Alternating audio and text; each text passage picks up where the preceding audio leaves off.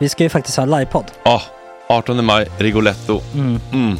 Jag kommer inte ens nämna stolarna. Nej. För det, det har jag pratat om. Ja. Nu ska vi prata om showen. Ja, bara kort då bara för de som inte vet. Alltså, man kan alltså, alltså stolarna, man kan reclina dem Ja. och ligga som Joey och Chandler Ja. i Friends. Och så har man en QR-kod och så trycker man på vilken sprit man vill ha. Och så drar man in en GT för 160 kronor. Och sen så kommer den till eh, ens Till plats. Ja, Ja. det, Det, det, finns så som, mycket benutrymme också att servitörer kommer kunna gå helt ostört. Vet du vad det är? Det är som business class. Ja, ja, verkligen. Och när vi då pratar om stolarna så kan jag också bara säga att man kan fälla upp eh, mitten, arm, armstödet, så får man en som- soffa. med sin partner. Ja, det man kan kommer bli ja, jätteroligt. Och Men vi skit kommer också i ha, stolarna. ja, vi kommer också ha typ två fotbollslag på scenen. Ja, det kommer Alltså. vara, alltså det är svårt att rabbla upp alla i huvudet nu för det är Startelvan. så många. Ja. Men alltså Mattssons massaker, tänk dig den live. Mm. Jo, Jonas Dahlqvists frågelåda. Mm. Ekis, Lady Damer. Vi har Fanny Svärd, Marve. Tora. Tjejnytt gör comeback. Det är, ja, det är på en nivå av mycket folk. Ja, det kommer bli, ehm, det kommer bli något helt annat, någonting man aldrig har sett på Nej. en scen tror jag. Vi kommer ha allt. Allt kommer finnas. Cirkus och Cirkus. Och det, det som är skönt med, med de där slutna rummen är också att man kan ju faktiskt ta upp saker som man ibland känner att det här kan man inte riktigt ha ute i etern. Nej. Men om Sanna Dollan har fått någon invit från någon gift känd man så kanske man kan lägga upp det på en bioduk. Ja, Alltså vi har tillgång Fotoförbud. till... Fotoförbud. Exakt, vi har faktiskt tillgång till bioduken. Mm. Alltså, gott snack upp på stora bioduken. Mm. Det är något nytt. Missa inte det här. Nej, det kommer bli otroligt kul. Biljetterna på filmstaden.se. Eh, ta med en god vän så tar vi Mm. med oss Johan Rabaeus. Exakt. och det kommer också vara, det, det är så mycket Förfest, det förfest i ja. den här eh, Rigoletto-baren. Det kommer vara en hel dag. liksom. Det kommer vara en hel dag. Ja, och sen det är såklart alkohol, allting bara beställ in till platserna ni sitter på. Ni kommer liksom vara så bekväma, ni kommer ha kul. Är förfesten bara för Patreons eller? Ja, vi kan kika på det. Vi får kika på Ja, det. det kommer en hel dag i alla fall och så Det blir det någon slags efterfest också. Ja, gud ja. Mm. Vad är en Gott Snack eh, livepodd utan efterfest? Gud, det kommer bli så kul. Så länge sedan vi hade livepodd. Ja, det ska Längtar. bli skitkul. Ja, vi ses där hörni. Men, vart köper man biljetterna? Filmstaden.se. Ja, in och köp. Vi Sök på Gott Snack där bara. 18 maj. Puss, hej. Hej.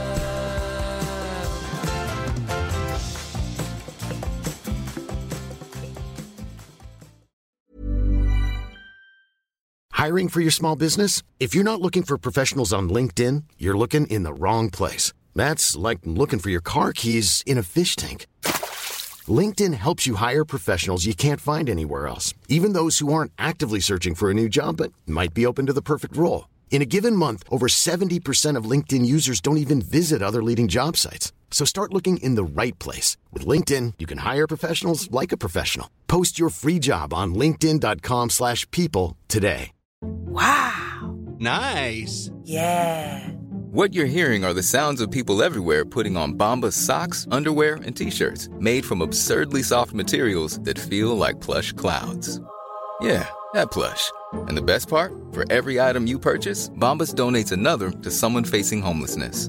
Bombas. Big comfort for everyone. Go to bombas.com slash ACAST and use code ACAST for 20% off your first purchase. That's bombas.com slash ACAST. Code ACAST. A lot can happen in the next three years. Like a chatbot may be your new best friend. But what won't change? Needing health insurance. United Healthcare Tri Term Medical Plans are available for these changing times. Underwritten by Golden Rule Insurance Company, they offer budget friendly, flexible coverage for people who are in between jobs or missed open enrollment. The plans last nearly three years in some states, with access to a nationwide network of doctors and hospitals. So, for whatever tomorrow brings, United Healthcare Tri Term Medical Plans may be for you. Learn more at uh1.com. Tjena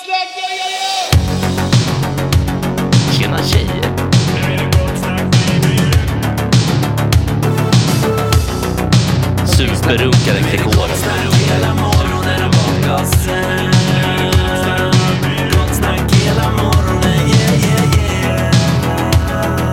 Det är inte okej. Det här är en fläckmussero. Eh, don't continue please. Då är det Rickard, August, Mikael och Elin. God morgon. God morgon. God morgon, god morgon. Hej hej. Den nya konstellationen. Mm. Visst. The new artist group. Jag trodde precis att jag efter tre år hade listat ut hur de här nobbarna fungerar. Ja. Men det hade jag inte. Nej. Nej. Så Men jag du- kämpar på. Men du vill, Fortsätt. men du vill prata om dem ändå? Ja. Det är en stor del av mitt liv. Ja, stor del av innehållet också. Ja. Elin, hur är din medhörning? Min meddelning är, den är ändå helt okej. Ja. Ja. ja. Härligt. Jag känner mig glad. Man ska vara nöjd liksom. Ja, men vilken bra inställning. Tack. Var har du fått den, fått den hemifrån? Ja, kanske det. Men är jag en så egentligen? Det är min fråga. Men jag tror ändå att jag, säger, jag föddes ganska positiv ändå. Men eller så är man bara people pleaser. Alltså det är det som är frågan. Är man positiv eller är man people pleaser? Ja, men det där kan vi väl spara till psykologen då? Jag är så taggad på det. Ja. Alltså jag tror att jag, alltså hon och jag kommer Mm. klicka. Mm. Jag har mycket tankar om det också, men det är, det är kul att kunna, kunna få eh, mina, mina tankar validerade av ett proffs. Ja. Du kan ju också gå i terapi. Det, oj oj oj oj. oj. Det, Aj, aj, aj. Knak. det, det har vi gjort. Det vet han ingenting om. Fan, det bajs här va? Eller är det, är det bara jag? Det är du som har näsan för nära mun. Ja. Det är inte bara en luftavfuktaren. Du sa det är lite det ska ju lukta lavendel, Ja, men inte det luktar bajs. ju kattfränt. Jo, det luktar bajs så utav Jaha, det helvete. gjorde det. Ja. Okej, vill du ta bajset eller? Agge, ta bort det. Eh, Elin, har du djur eller? Eh, nej, alltså jag har ju jag har Stäng dörren. katter hemma hos mina föräldrar. Eh, Cookie och Brownie. Alltså det är ju så fruktansvärt att de har sådana tråkiga namn. Cookie och Brownie, kan ni förstå? Tänk hur dåligt. Cookie hette också Yoda från början. Jättekul namn. Och sen var vi såhär, nej Yoda är ful, så han får heta Cookie. Oj, Oj, nu blir du... kom Yoda här bara för det. Antastad. Se, men ser ka- katten ut som en Yoda eller? Eh, nej, inte så mycket. Alltså, vad är det med dina katters eh, matsmältning? Men jag vet inte. Alltså, Alltså, det luktar ju något grönjävligt som det inte brukar göra med katter. men, men, Är det att de är mer mänskliga på något sätt? men hur ofta är du i närheten av katt? Alltså, jag minns inte som att... Jag, kan du stänga till där? Jag minns inte som det att finns det var... Glade också. Jag köpte fyra stycken för, för dig, äh, Auge. Jag minns inte som att det luktade så mycket om min mormors katt när jag var liten. Nej. Det har jag inget minne av. Men har du Ja. inte bara fördomar för att det är en naken katt? Alltså det känns som Men att... i, nej, alltså jag tycker de är mysiga men det luktar ju väldigt, väldigt äckligt. Mm. Faktiskt. Men det går över ganska fort. Mm. Man vänjer sig. Mm. Man vänjer sig. Elin, eh, vad är det jobbigaste och bästa i ditt liv just nu? Oj, gud vilken bra fråga. Det bästa är att jag är så jävla känd. Nej, jag skämt. Det bästa är att jag eh, gör min musik hela tiden nu. Eh, ordentligt liksom. Mm. Det är ju faktiskt fantastiskt. Jag har ju velat vara artist sedan jag var nio Mm. och nu är jag ju verkligen eh, det liksom. På Ehm, vilket sätt gör du det hela tiden nu? Ja, jag sitter i studion och jag giggar och jag springer på PR-grejer och sådär. Mhm. Och har ju skivkontrakt liksom. Så Oj. det är ju mer ordentligt, förstår du vad jag menar? Mm. Det sämsta är väl att, att man eh, att jag har så mycket ADHD. Alltså det är väl inte alltid så jävla roligt. Det kommer ju alltid vara ett kaos liksom. Och ja, då har man ju väldigt, jag har väldigt svårt du vet, att landa. Alltså det är väldigt så högt upp du vet och sen är det långt ner och sen är det upp och ner, upp och ner, upp och ner. Jag har ju, så det är väl det sämsta. Att saker är så kul men man är också kaos i huvudet liksom. Mm. Ah, Därför är jag så jävla taggad på att vi ska ha en psykolog här. Men äh, äter, du, äter du något mot ADHD eller? Jag testar ju lite olika du vet. Alltså just nu testar jag Elvanse igen. Mm. Och eh, ihop med Attentin liksom. Mhm, Ihop med Attentin? Mm. det är bara för att man får liksom inte, de får inte skriva ut Attentin. För att det känns för knarkigt typ. Eh, Så Mm. då är det så här, du får ta Elvanse och Attentin och då känns det bättre för dem på något vis. Varför är Attentin knarkigare? Jag vet inte. Alltså det känns ju lite bättre när man tar Attentin så det kanske är det. Jag vet Är det inte. mer skjuts eller? Ja, jag tror att det är lite mer skjuts. Ja. Alltså om någon utan ADHD skulle ta Attentin då tror jag att det skulle vara en jävla fest liksom. Hmm. I think. Det får vi också fråga. Spara, du har mycket frågor. Mm. Ja, verkligen. Eh, jag har hört att man får lite huvudvärk av Attentin. Bara- Men gud, det har jag verkligen haft senaste dagarna. Är det Men så? det är också så här, varför man inte huvudvärk av. Men ja. Ja. Mm. Ja. Okej, det var Får det. jag fråga, Mm. eh, eh, vad blir effekten för dig som med damphjärna liksom? Jag kan plötsligt franska. Eh, nej men eh, jag blir ju mer, eh, alltså så här, lite mer produktiv. Ja. Sen så vet inte jag om hur mycket som är placebo just nu. Alltså jag vet inte för jag har testat det så kort just nu. Mm. Men man blir lite mer produktiv. Man får så här, första gången jag testade Ritalin. Jag bara, ja vi städar rummet. Alltså jag var supertaggad på att städa rummet. Det var Mm. väldigt intressant. Och att det blev tyst, lite tystare i hjärnan. Mm. Och det låter så töntigt om man har sagt så här, gud jag har så många tankar i hjärnan, det går så snabbt. För jag bara, vem fan går det inte snabbt för? Men när jag märkte kontrasten när man fick ta Ritalin Och så bara du vet, tankarna kom bara med, med längre mellanrum typ. Mm. Jävla skönt, jättefridfullt så här. Ja. Det är bara, Jag, mm. jag fattar typ inte eh, hur, eller jag tror inte att jag har ADHD, men Mm. hur det är. Alltså, vadå snabba tankar? Det var det här är lögn! Nej men jag ska, vad ska man säga, det är, alltså, saker associeras väl för snabbt liksom och att Ah. det, är- det är förvirrande. Det kan vara liksom tre låtar typ i hjärnan spelas samtidigt som man tänker på liksom Ah, ja, saker det som hände för låter- tre år sedan och som händer nu. Liksom. Ja, Det låter jobbigt faktiskt. Ja men tack jag så unnar mycket. dig knark. Ja, Mm. tusen tack. Vad gulligt av dig. Agge, vad är det jobbigaste och bästa i ditt liv just nu? Ehm. Ja. Jag vet inte riktigt. Bra svar. Tack. Mm, det var ärligt. Ja, det var jättehärligt. Jag ska Det tänka är inte en det. ADHD-tempo. Du har tagit så mycket ADHD-medicin. Exakt. Men jag, jag måste återkomma. ja. Micke? Uh, det är, jag börjar med det bästa, kanske är... Beatsen Att, eh, radar upp sig. Men att hockeysäsongen är igång kanske. Ja, det är killigast jag. Ja, jag kommer inte på något bra just nu. Eh, Det var ju bra. ja, det är bra. Men det dåliga är att jag har jobbångest konstant. Och det känns som att jag står och stampar, att jag inte kommer någon vart. Typ. I yrkeslivet? Eh, på vilket sätt då? då? Men att just nu har jag väl en tjänst som jag känner mig överkvalificerad för. Men du kommer bli kommentator sen. Ja, men det, vägen är så fucking lång. Jag tänkte på det? här om dagen. Det är så här, det, det kommer vara om tio år typ. Nej. Som jag får göra det jag vill. Har du käkat din lunch med. Jonas Dahlqvist? Nej, jag har inte gjort den. Det måste du göra. Jag vet, men jag vågar inte skriva. Va? Han erbjöd sig coaching. Erbjöd till coaching Jag och vet. du vill inte ta Jo, det? jag vill. Jag vill. Men? Men jag vet, det känns cringe att skriva. Du vill hellre sitta Nej, hemma och gör det. tjura? Nej, det handlar inte om tjura. Vad är Det det handlar som om är att jag är cringe? feg. Vad är det som är cringe? Att så här, äh, föreslå en dag och ett ställe och fråga liksom så här.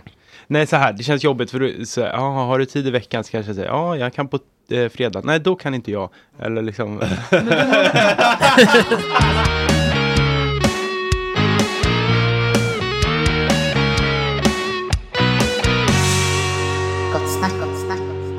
Sofia Viotti, är det rätt uttalat? Eller ska Ja. det vara mer italienskt? Är det Viotti? Ja, men eller hur? Jag föredrar det så. Är, det, är det italienskt? Eh, Det är ett italienskt namn. Ah, men, men jag har inget påbrå från Italien. Nähä. Ska jag sätta på mig så här? Om du vill. Ja. Är det taget på något vis? Eller liksom? Ja, det är min mammas mans eh, familj som tog det någon gång på 1800-talet. Okej. Och sen när de gifte sig så tänkte jag shit, det här var ett grymt namn. Det Mm. måste jag ha. Så, Bra namn. så jag tog det. Psykolog med fokus på självmedkänsla i privat och arbetslivet. Ja, Ja. hur? Ganska framgångsrik på Instagram också. Ja, det har blivit så. Det Mm. är väldigt roligt. Ja, Är det känns Sveriges holistic psychologist? Ja, men? Det är min strävan. Men Hon har väl typ så här flera miljoner Ja. följare. Men, Ja. Men är efter ni i samma låda här eller? Så kanske, ja. Är eh, Same vibe eller? jag vet inte, jag har inte så bra koll på henne faktiskt. Nej. Oj. Gör du mycket färgglada poster med citat på? Nej, men jag har inte så mycket citat utan jag Nej. kör mer Eh, ja, men jag har olika teman som jag följer, typ en månad, två månader och sen Ah, så okej. skriver jag om olika saker. Eh, för att typ utbilda och för att få ge människor lite aha-upplevelser och, Mm. och så. kul. Om, om vi bara tar något konkret då. Hur skulle du liksom eh, hur skulle du ta dig an det här problemet som du hörde om? Eh, att, att Micke kör över eh, Man avbryter. andra. Kvinnor generellt. Gör jag det? Det, det är så himla roligt när jag satt och lyssnade på det. Det är typ en av de sakerna som jag och min sambo eh, tjafsar mest om. Att han tycker att jag avbryter honom. Eh, när vi pratar med varandra. För att jag är så här, jag tycker att också att han blir lite långsam. Och då kommer jag Mm. in och, och vill säga min grej och tänker så här, men jag vet redan vad du ska säga. Ja, Eh, exakt. Det är oftast då man avbryter. Ja men eller hur? Jag Jag bara tänker fylla så här, i det, är ingen det är onödigt att sitta och lyssna liksom. Mm. Eh, men eh, ja, det, det är ingenting som jag brukar få höra från andra så att jag vet inte. Antingen är han för långsam. långsam. Mm. Nej, nej, men jag tror att man, man är väl lite olika. Man är ju såklart mer, vad ska man säga, respektfull när man träffar människor i jobbet eller ja, och med vänner och så än man är med sin sambo tyvärr. Ja, det är intressant ändå. Där man egentligen älskar och borde respektera mest. Eller hur? Där det borde vara tvärtom. Ja. Mm. Mm. Tycker du att eh, det inte är en så stor sak att avbryta folk? Alltså ska man verkligen bli kränkt över det? Jag bara, Du gräver liksom ditt hål djupare och djupare. ja men vad fan, jag kan tycka att så här, ja, det händer väl ibland. Ja, att man blir avbruten. Ja, verkligen. Alltså jag tror om, om man kanske märker att man är så generellt och det är väldigt många människor som säger det så Ja. kan man väl fundera på om man vill vara en sån person för att det kanske blir ganska osköna sammanhang. Eh, och man behöver väl inse att man Ja men hur man är. Så här, är jag en person som är väldigt snabb och människor hänger inte med då kanske det inte blir så bra interaktioner med människor. Men eh, jag vet inte. Om det är jättegott snack med alla, så är det en person som hela tiden känner sig avbruten och inte får med. Då kan Ska man sabba det goda snacket då? För att... alltså jag kan tycka lite kom in i matchen. Ja. Men det- ja, men jag alla förstår vad du menar faktiskt. Jag förstår vad du menar. Men, ja. Alltså, Med det sagt, Egentligen är Med all kärlek. All all kärlek. Men vet du vad jag tror att det är? Alltså mer än att så här, avbryta med så här, det är en eh, typ en medvetenhet tror jag. Alltså att känna in rummet. Att vara så här, att bara så för det, det, det kan vara en så liten grej som att, bara man, att man tittar på alla typ. Att man bara ser, för då ser man om någon är, inte är med. Typ, förstår du vad jag menar? Mm, mm. Mer än att man avbryter en gång för att så här, fan det kan man fan göra. Det kan vara babbligt om man är så här skittaggad typ. Mm. Men eh, just bara så här Alltså, jag, tr- jag tror att det handlar om, om några sekunders paus ibland. Mm. Eller har jag i alla fall upplevt i livet. Så här, att det bara, några sekunder bara, när man bara hejdar sig själv typ och bara, okej, är alla med typ? Förstår Mm, kollar att folk är med i samtalet. Ja men precis, någon, ja. Ja. Men det är väl olika tänker jag också om man är i ett arbetssammanhang. Då tänker jag att man har mer ansvar för att liksom skapa en bra teamkänsla eller så. Eller om man sitter Mm. så här. Eh, men är man ett kompisgäng. Då känns det väl mer som att då får man ju, ja. Det är inte på samma sätt. Nej. Där är man ju ofta ganska liksom aktiv och avbryter varandra. Och det är en skön stämning. Mm. Och, så, och så kan det också vara känslan att vi har ett ansvar för att leverera ett gott snack ut. Som också Mm. kan väga i liksom i vår Ja, skola. precis. Alltså lite som Jeppe var så här, men först och, jag ska få skämta hur mycket jag vill om Micke för att vår produkt ska vara gränslös. Det är viktigare än dina känslor. Typ. Alltså Mm. lite om man hårdrar det så. Mm. Den, den, den vågskålen väger ju också någonting. Vi har ju ändå content här. Mm. Mm. Verkligen. Vilket content funkar bäst med, märker du? Så här, fan det här, det här när jag går in på det här med psykopater på jobbet. Oj, det funkar så bra. Eller du vet. Nej, men jag skriver ju främst om ja, men självmedkänsla och hur vi tar hand om oss. Jag skriver mycket om så här, ja, men hur vi kan förstå oss själva, hur vi kan förstå våra känslor, lyssna in kroppen och liknande. Och därför har jag ju också fått följare som gillar den ingången. Jag skriver inte så mycket liksom så här, KBT och tips på hur du ändrar beteenden eller hur du förändrar dina tankar utan eh, mer runt liksom kroppen, känslor, ta hand om sig själv och förstående. Ehm, och jag tycker främst nu, just när man pratar mycket om att lyssna in sig själv och förstå eh, kroppsliga signaler och liknande och stress och hur man reglerar sig själv. Det brukar folk gilla mycket. Och när man slår hål på myter eller pratar om hur liksom galet samhället är Mm. eh, just nu och hur vi inte alls är anpassade efter att leva på det här sättet. Mm. Ehm, det tycker jag också att människor brukar gilla. Mm. Jag märkte en grej eh, i morse. Jag var lite besviken på mig själv. Vaknade irriterad för jag var lite bakis. För jag hade kört stand-up igår och druckit. Fast jag var såhär, nu ska jag testa att köra nykter. Och så blir jag så jävla nervös. Och så blir det fem, sex, sju öl liksom. Eh, och så vaknade jag upp i den där känslan av så här. "Åh." Men så testade jag att ställa mig i spegeln och så faktiskt artikulera. eh, Som en lång mening som jag hade sagt till en vän liksom. Och det funkade faktiskt. Liksom, för att jag, jag har ju kognitivt liksom, kunskap om att självmedkänsla är bra. Mm. Men eh, den, den, liksom, den, den, den gör inte alltid så mycket automatiskt. Men att, att, att liksom, formulera för mig själv så här. Och säga det högt funkar det. Så jag förstår att du blir nervös, att du gärna vill dricka då. Och eh, men om, om du ska bli stolt över dig själv så behöver du nog testa och du behöver kanske säga till den du ska köra med att du vill vara nykter. Så att den kan hjälpa dig med det. Alltså bara så, här, så här hade jag sagt till min bästa kompis typ. Och att säga det till sig själv, det kan låta fånigt att stå i spegeln och säga det där, positive aff- affirmation. Men då kände jag ändå så här att då mjuknade känslan. Mm. När jag uttryckte det liksom så här, Fredrik, älskar dig, jag förstår att det är nervöst. Mm. Men Hörde- du kan bättre. Hörde Kim här? Eh, nej, han sov eh, hemma i natt. Men katten hörde. Mm. Men det där är, så, det där är faktiskt så fint. Alltså jag tror att det är så mycket sånt som folk skulle må så jävla bra av att göra men att man känner sig löjlig och Mm. att det känns supertöntigt. Det är Mm. verkligen skitbra ju. Mm. Alltså man kan göra Ja. det både högt och i hjärnan. Och du bara nej det är inte bra. Eh, Sånt där fånerier kan ni inte hålla på med. Nu är jag så självmedveten här när jag, när jag ska gå in och typ avbryta. Så här, oj. Nej, men jag, jag tänker att eh, alltså, just att prata högt sådär är ju hjälpsamt för att när vi bara är i våra huvuden, det vi inte har kontroll på då är att våra tankar är ju så himla snabba, så ofta så kanske det kommer in en lite irriterad röst eller någon, någon del av oss som säger att så här, eh, ja men du var ju ändå pinsam, eller varför gör du på det här sättet?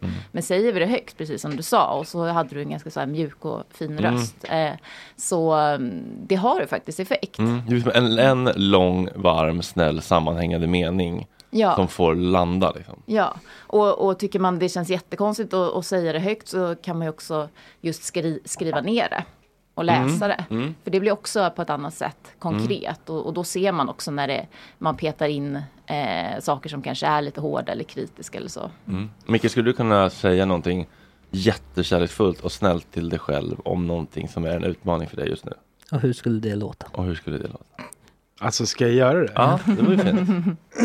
Så Åh, säger jag om det är rätt Ehm, eller fel. Älskade Mikael. Jag vet inte faktiskt vad det skulle vara. Alltså eh, kan du säga igen? Nej, alltså, ja, men att, att, du bara, att du säger någonting snällt till dig själv kring något som du tycker är jobbigt eller en utmaning eller något som du är besviken på dig själv eller så här. Något där du känner dig självkritisk. Typ. Ja, ja okej, men det känns väldigt jobbigt. Ja, men det tar emot. ovant. Ja, ja. ja, okej. Men Ska jag säga det som att jag pratar med mig själv Ja. i tredje person? Kul också att höra vad du kallar dig själv. Är Ja. det Micke eller är det Mikael? eller Jag säger nog Mikael kanske. Varsågod. Varsågod. Ja. Scenen är din. Måste filma. Måste det, måste det vara specifik, Nej, alltså nej, nej. detaljer Nej, eller? nej, det kan vara Tänk att du sitter med mig i ett psykologsamtal här. Ja. Okej. Så blir du inte alls nervös. Oh. Mikael, var inte stressad. Det kommer att lösa sig. Klart. Får jag direkt, får det direkt komma en pointer? Jag tyckte det kändes lite invaliderande att du inte skulle vara stressad. Alltså så här, att säga till, till, till om, om jag är stressad så säger Ploy bara så här, var inte stressad, det kommer bli bättre. Det är så här, men jag är ju stressad, alltså det känns inte så bra. Däremot så här, jag, för, jag ser att du Ja, är det är stressad, jag förstår att du är stressad, det är stressad. rimligt, du har skitmycket att göra. Ja. Men vi är så, vi fixar det här. Alltså. Du är ju expert på det här. verkligen. Jag är imponerad. Bender nej, men, eh, nej men ju- men just de där grejerna som, Okej. som folk tror är så här, nej men det är ingen fara, det, det, det löser sig, var inte stressad. De vill ju hjälpa, men det blir ju lite så här, men du, Ja. du bekräftar inte min känsla. Nej, för det är också, jag, går, jag går ju i en sån här ACT-grupp just nu. Mhm. Alltså så, alltså med väldigt mycket av det här. Eh, och då så, så pratade vi om det att så här, att man ska acceptera, alltså att man ska vara lugn i att få känna typ. Och att det finns en grej att man ska vara så här, typ när någon gråter, bara, nej men gud inte gråta, men gud var inte, var inte ledsen eller var inte stressad eller sådär. Att så här, det blir inte, det blir inte bra. Eller alltså känslorna ska ju finnas och kämpar vi inte emot känslorna, då kommer de troligen också försvinna snabbare liksom. Mm. Men det där har vi verkligen många av oss ändå fått tidigt. Bara så här, gråt inte, det där är inget att Nej. gråta för. Så här, inte gråta nu, och så här, inte, Ja, inte känna, inte känna, det är inte skit, känna. Alltså känslor, alltså, det är så gulligt, jag älskar den här gruppen. Alltså, jag så här, så, känslogrejen, alltså, det är också så här, alla i gruppen har ADHD så det är så extremt du vet, simpelt och pedagogiskt. Mm. Och så här, animerade kaniner typ. Men, eh, men då var det verkligen så, alltså alla känslor har ett syfte liksom. Mm. Alltså för oss, alltså alla känslor känslor vill liksom hjälpa till. Men nu vill jag fråga en grej. Accept- Och det betyder acceptment commitment therapy, va? Act eller? Ja, jag tror det. Mm. eh, psy- en, psykologen, en av psykologerna igår sa så här. Att om man får en känsla, en jobbig känsla, typ skam. Om man inte börjar kämpa emot den eller typ börjar så här ni vet, eh, tänka tusen olika grejer som gör känslan värre och man säger, ja ah, men har du tänkt på det här också bla bla bla bla. Att om man bara så här, nu, nu känner jag känslan, nu får den skölja över mig, jag försöker inte kämpa emot den. Då håller en känsla i regel i sig i 60 sekunder. Alltså det är så lustigt för det här har jag också hört bara de senaste veckorna. Men någon sa typ 90 sekunder. Mm. Alltså jag har aldrig hört några så här exakta tidsangivelser. Men, men ehm, så att jag, jag letar febrilt efter den här källan, vad folk får ifrån. Men ehm, nej men absolut, men det är ju i alla fall en kort stund som en känsla håller i sig. Eh, Problemet är ju bara att vi är ju ofta, till exempel är man irriterad eller arg så så är man ju ofta där och typ tänker en tanke till runt det som Mm, gör att den späs på igen. Mm. Så att det är ju sällan människor är så här, oj nu är jag arg och så tjoff tjoff. Mm. Eh, Men det var det hon uppmuntrade till. Typ. Alltså att man skulle Ja. testa den grejen och bara eh, istället fokusera på kroppen. Typ. Bara, hur känns kroppen nu? Bara, Okej, känn att så här, ilskan sitter i bröstet typ. Och Mm. nu känner jag så här. Och så, åh, och så ska man vara i det. Och sen Men- försvinner Men får jag Sen fråga så då? går man och tänker på den där jävla chefen igen och ser det blir lunchrummet och då Ja. spär det på igen så brinner Men på tal om känslor som håller i sig. För att jag kan liksom känna, tycka saker är pinsamt, alltså tre år efteråt. Alltså, Tre år bara? Skitsaker. Så jag var i, i Italien med eh, tre kompisar som alla är så här väldigt eh, Italien-galna typ. Mm. Eh, och så skulle vi beställa kaffe. Och, kaffe, och det är massa jävla regler med kaffe i Italien. Mm, nu får man säga V80. Och så, och så, och så, och så, beställde, jag, så beställde jag en cortado. Mm, gott. Och de fattade ju ingenting i Italien. För det finns inte tydligen i Italien. Och så började alla garva och jag skämde. Alltså det kan jag tänka tillbaka på än idag. Och var så här, Men fy det- fan vad pinsamt. Det är bara men- kul ju Micke. Men alltså, skam kan vi ju återuppleva genom att tänka på. på Ja, men, och så här, de har ju glömt det där för länge sedan. De minns ju inte ens att jag beställde en cortado. men Men jag det- tycker att det är pinsamt fortfarande när jag tänker på det. Skammen är otrolig på så vis. Det kan ju verkligen återuppleva den. Ja men varför hänger den i då? Nej, men För att du går omkring och tänker på det. ja, ja. Eller liksom får upp den här bilden så triggar du igång det. ja, det är så. Om, du, om du inte tänker på den situationen, då har, du, hänger inte den skammen i. Nej, den, nej. Den triggas ju när du tänker på den. Ja. Men vad är det som gör när man kommer över en Men grej? det är också lite, alltså så här, skam och självkritik är ju motsats till självmedkänsla. Så att där är det ju egentligen att ta in eh, att så här, ja men jag gjorde någonting som blev lite pinsamt. Kan Mm. jag bara stå ut med eller tolerera att jag ibland är en person som gör bort mig lite grann. Mm. Och bara vara i det, att så här, oh, det känns jätte, jättejobbigt. Mm. Men alltså så är själva jag, och det är händelsen mänskligt. egentligen borde ju inte, alltså, känns, borde inte kännas Ja, men, men där är det ju Alltså, inne i det här, men det borde inte vara så, jag borde inte känna Ja men för det är en jävla skitsak egentligen. Ja, Och det är fast, inte, fast det är ju det som är grejen med oss människor, att vi reagerar ju på skitsaker. Mm. Eh, det är ju, ofta tänker man ju så här, men jag, jag kan vara ledsen om någon har gjort slut eller om... Min hund håller på att dö, Ja. tynar bort jättelångsamt. Men varför är jag ledsen när eh, jag inte fick det här uppdraget på jobbet? Eller Mm. varför tycker jag det är pinsamt det här? Men, Mm. men vi är ju, alltså vi reagerar ju bara. Mm. Eh, ganska primitivt.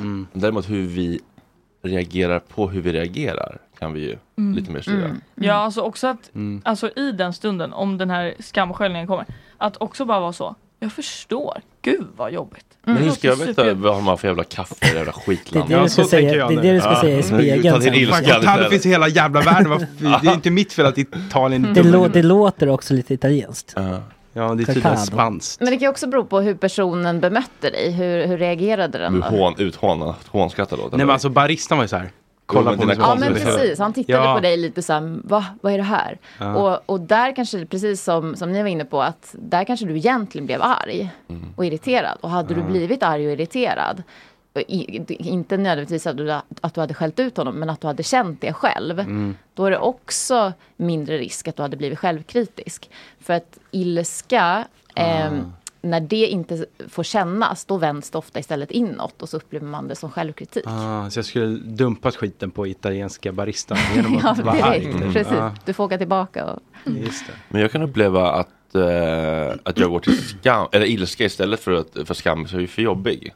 Mm. För det, är, det är mycket mindre jobbigt att vara arg på någon Mm. än att känna skammen. Om man känner sig lite förnedrad av någon, då är det Mm. mycket lättare att bara, men du då, ditt satan. Alltså så här, om man får, Mm. om någon bara skriver på DM någonting som är träffande, Mm. som bara, åh gud det där är sant. Då känner jag direkt, min impuls är ju skriva någonting syrligt tillbaka som försvar. För ilskan är ju mycket najsare att vara i.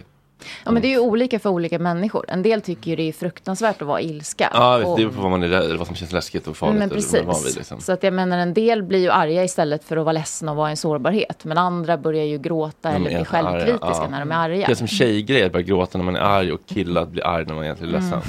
Ja. Lite så. Mm, det är väl lite Ja. individuellt. Jag skulle säga att jag går mer till skammen än till ilskan. Ja.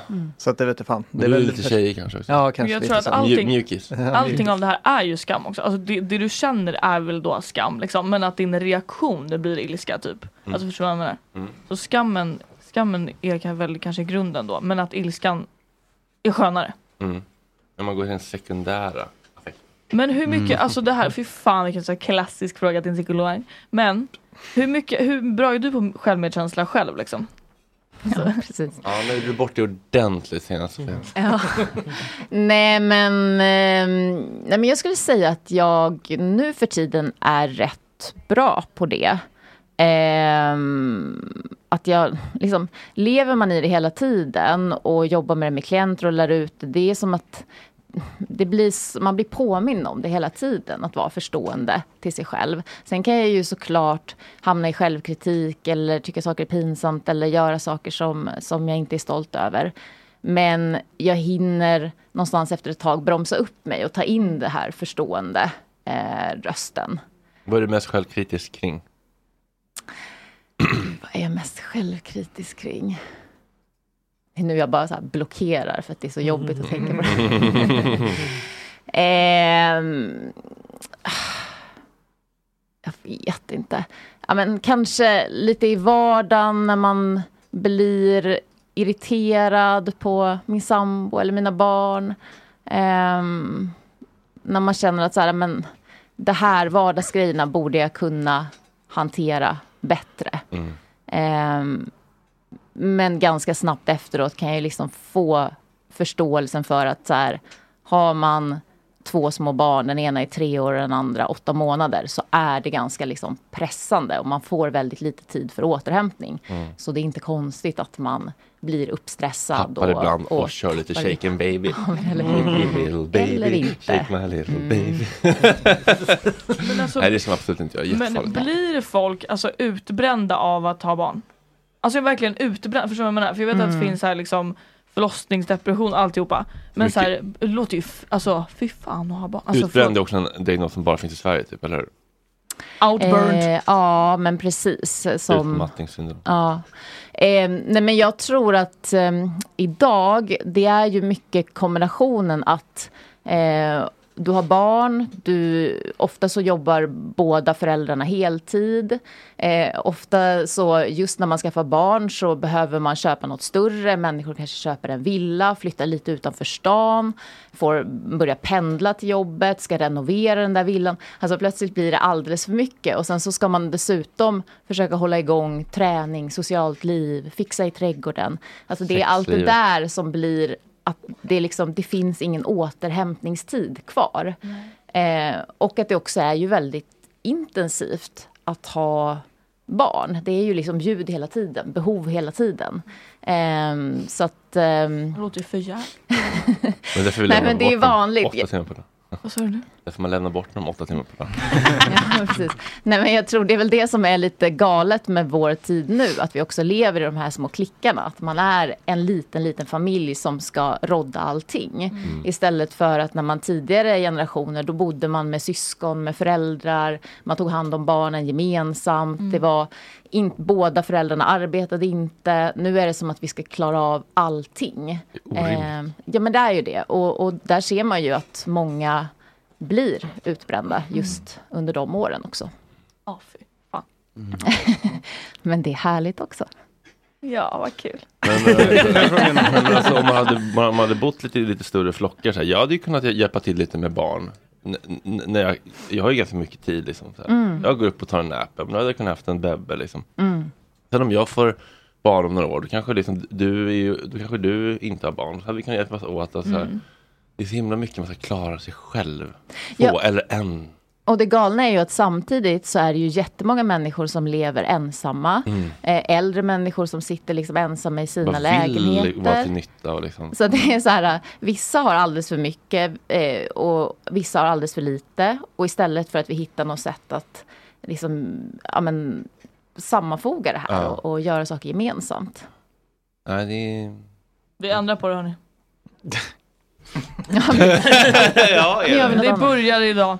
Ja, men eh, är det, är det liksom kollektiva bostäder? För det känns som att mycket människor, när han tänker på kollektiv, han, får ju, han spyr ju i munnen och Mm. tänker på liksom gröna vågen-flum och han blir ju förbannad när han börjar säga ordet kollektiv. Exakt, haremsbyxor och eh, Något triggas i dig där. Vad är det Ja. som triggas? Vad är det som händer i dig nu? Ja, verkligen. Vad, vad sitter känslan? Vad är det för trauman? Jag tycker det är, de är ofräscha ofta. Ja, men, men, men, men, om du tänker att du bor i ett, i ett kollektiv med nyduschade, supersnygga, vältränade, vältaliga, vita ariska, alltså all, allt det här du vill ha.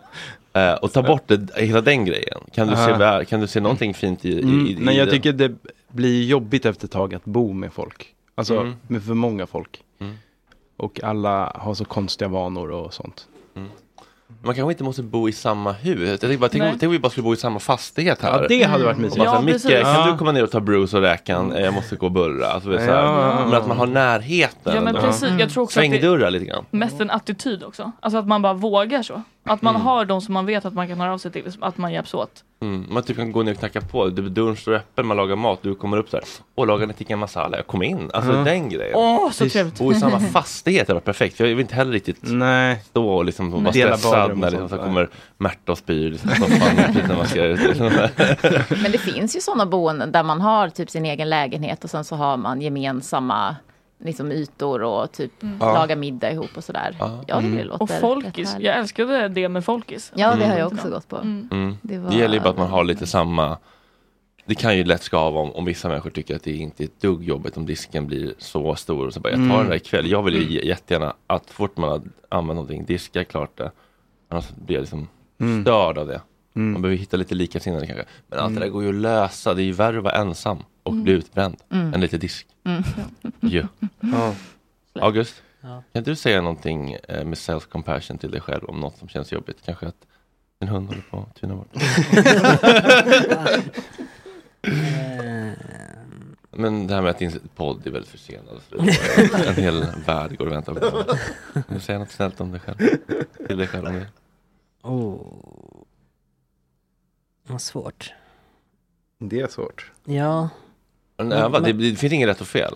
man tänker liksom inte alltid Fast du de rättade ju honom efteråt. Ja. Jag vet inte, men det, men, det, men, det, men det var inte att det var, det var inte att det var fel, det var bara att det var Det här kanske att- inte var så hjälpsamt. det, var- det var, inte, så- det var lite självkritiskt fortfarande. Ja, ja, men jag ja. bara- Men jag tänk bara, att jag har en jätteförtjänad podd. Och så säger jag så ja min podd är så jävla försenad, det måste, jag mår så dåligt över det. Vad skulle du sagt till mig då? Men säg det till dig. Men säg det till dig själv, Ja. exakt. Ehm, det... August. Det, du har haft mycket att göra nu och lite otur med sjukdomar och sånt där. Så det är helt rimligt att den är sen. Eh, men eh, ny, nya Fifa kom ut. det har också tagit upp orimligt mycket tid. Jag betalade alldeles för mycket pengar för att få spelet två dagar innan det kom på riktigt. Hur mycket? Eh, 400 extra. Oj. Åh jävlar Sofia, 400 för att inte vänta två dagar. Ja. Det var dumt. När jag inte har så mycket pengar. Psykologer får Men- inte döma. Men det var också, jag har också haft kul Mm. med Fifa. Mm. Så du gjorde rätt val. Det var fint sagt August. Elin? Alltså det är lite så här fint för när, när ni säger de här sakerna så blir det som att det blir som en liten annan så här stämning. Det blir lite så här lugnt och lite mjukt liksom. Mm. Men det stannar ju upp, tiden Man blir nästan lite Ja. så här tårögd. Det är jättefint. Elin, vill du säga något till dig själv? Nej men gud, okej. Mm. Jag är ju också, nu, nu hoppas jag att mina psykologer lyssnar från ACT-gruppen och blir stolta över mig om jag säger något sådär. Okej vänta. Åh, jag har varit så inne i era grejer. Okej. Elin. Det är så läskigt att säga sitt namn. Elin. det är inte konstigt att du känner dig lite överväldigad just nu. För att din hjärna blir lite stressad när det händer mycket på en och samma gång. Du behöver inte försöka vara en helt normal fungerande person som är överallt hela tiden och inte blir stressad. Utan du är bra precis som du är. Jag finns här för dig. Och du kommer klara allt jättefint. Ja, det var bra. Fint. Loj? Eh, Rickard? Mm. Ehm, nu måste jag, fan vad är det jag vill få ut här? Rickard, Rickard du, du gör precis så gott du kan varje dag. Och det dyker upp saker som du kanske inte förväntar dig, kan irritera dig eller ta över. Men det är okej. Varenda dag så tar du hand om dig själv så gott du kan. Så var stolt över det. Tack. Fan vad duktiga ni är. Ja. Jag Micke, vill, du, underlevererade verkligen. vill du försöka igen Micke? Nu när du vet vad som är rätt och fel. ja, men jag minns inte vad det var jag sa då, men... eh, S- Stressa inte, det kommer lösa sig. Det är inte så jävla farligt. Okej. Mikael, jag, jag förstår att du känner dig stressad och att du vill eh, lyckas och göra allting nu. Det är helt normalt. Men du måste låta saker ta sin tid. Och det du vill ska hända kommer att hända någon gång. Men kanske inte just nu. Mm. Hej! Berätta det bara lite grann där. Nej, jag bara reagerar på ordet måste. Mm. Måste ingenting. Nej, okej. Fan! Det går ju skitsvårt!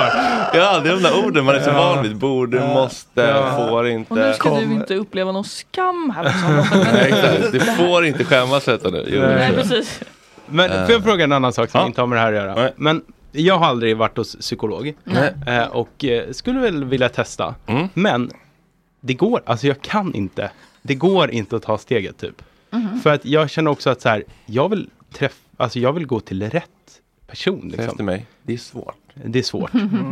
Ja okej, ja, det är svårt. Och då börjar jag liksom googla och så börjar jag kolla på bilder. Jag Bara, Nej, hon såg otrevlig ut. Tinder!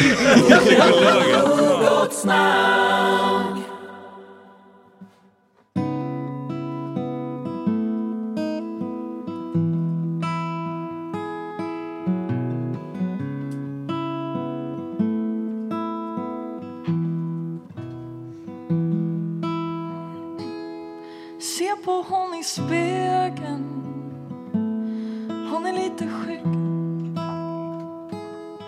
Hon du ser i spegeln Behöver dig för att känna sig trygg. Men du har knappt lärt känna Hennes mörker vad hon vill. Hon har för mycket känslor och de sitter allt för långt in så du lämnar henne ute kan du förstå hur ont det gör? Att se dig hitta nästa byte och ta hand om medan hon långsamt dör.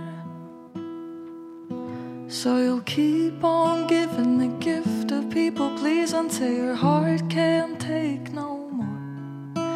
And you'll keep on driving to the ends of the earth for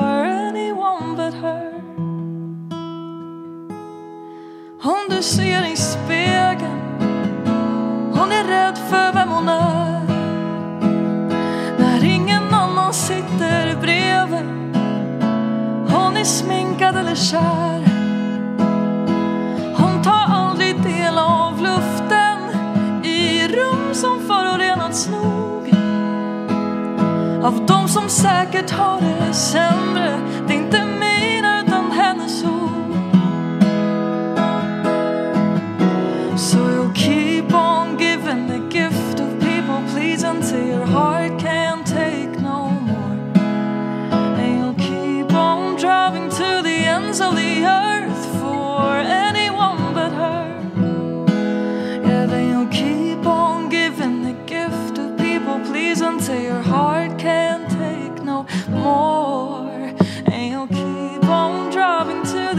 Ends of the earth for anyone but her.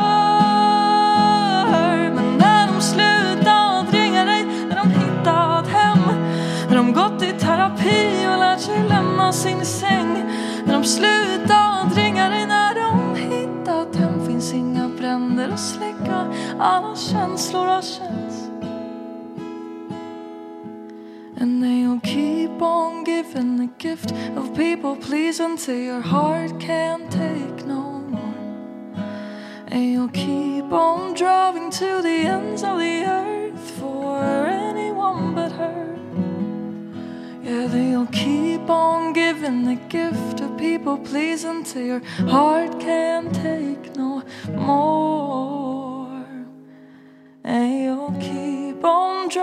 Driving to the ends of the earth for anyone but her.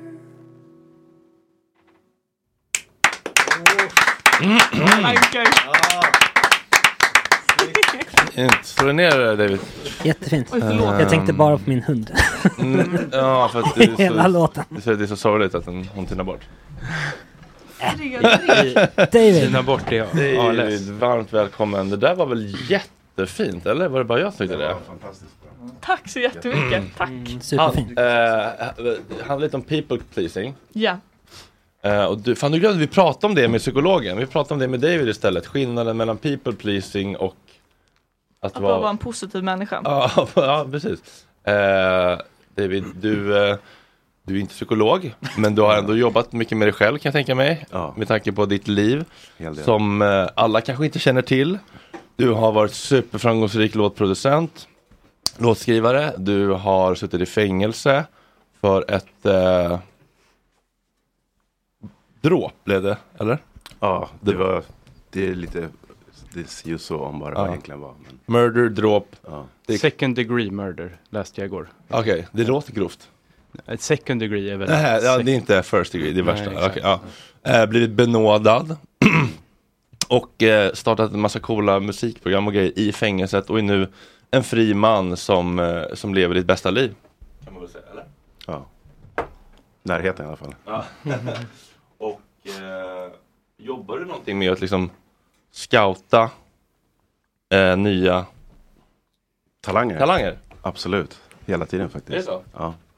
Hur, hur jobbar du då? Är TikTok liksom någonting man hänger på eller? Alltså Vad det, blir man mycket, det blir mycket sociala medier att man kollar men mycket är också att man rör sig i musikkretsar, man hör, man går på spelningar och word of mouth, mycket sånt. Mm. Mm. Hade Eller du hört- kommer till gott snack och talanger. Hade du hört talas om Elin? Nej, faktiskt inte. Nej, känner du till mammalåten?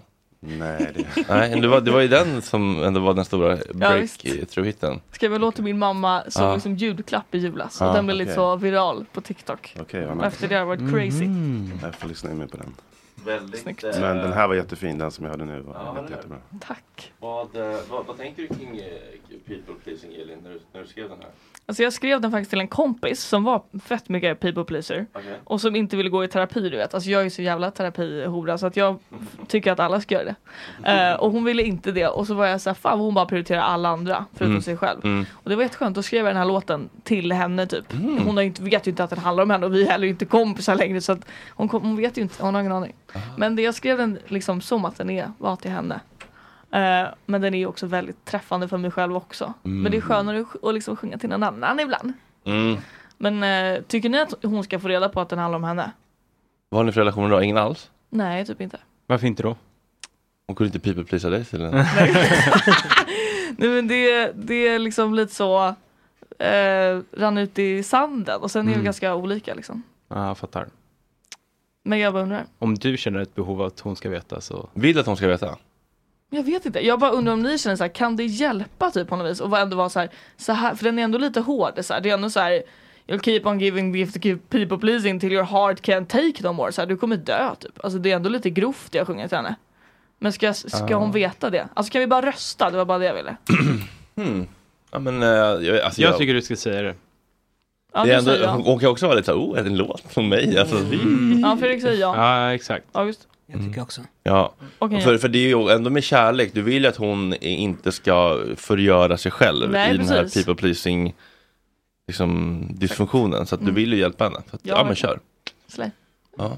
Eh, David, vad, eh, vad är det just nu i ditt liv som känns roligast? Ehm, det är mycket saker som känns roligt faktiskt. Mm. Ehm, det är skönt att vara fri och leva livet och göra Mm. musik. Eh, jag har precis återvänt från eh, Spanien där jag varit på songwriting camp. Mhm. För en marockansk artist som jag jobbar med. Mhm. Ehm, och just nu håller jag på med min EP. Så jag har signat ett skivkontrakt i Dubai. Där jag också är bosatt numera. Mhm. Eh, så att jag släpper en singel tillsammans med Mahombi och en nigeriansk artist som heter Bayani. Eh, 20 oktober. Mhm. Så det är kul. Eh, fortsätter producera, hitta nya talanger. Bara jobba med musik så mycket som möjligt. Jag- Alltså Bumpy Ride Mohombi. Exakt. Ah. Joj. Sånt man bara drar i bakfickan vet du. Nej.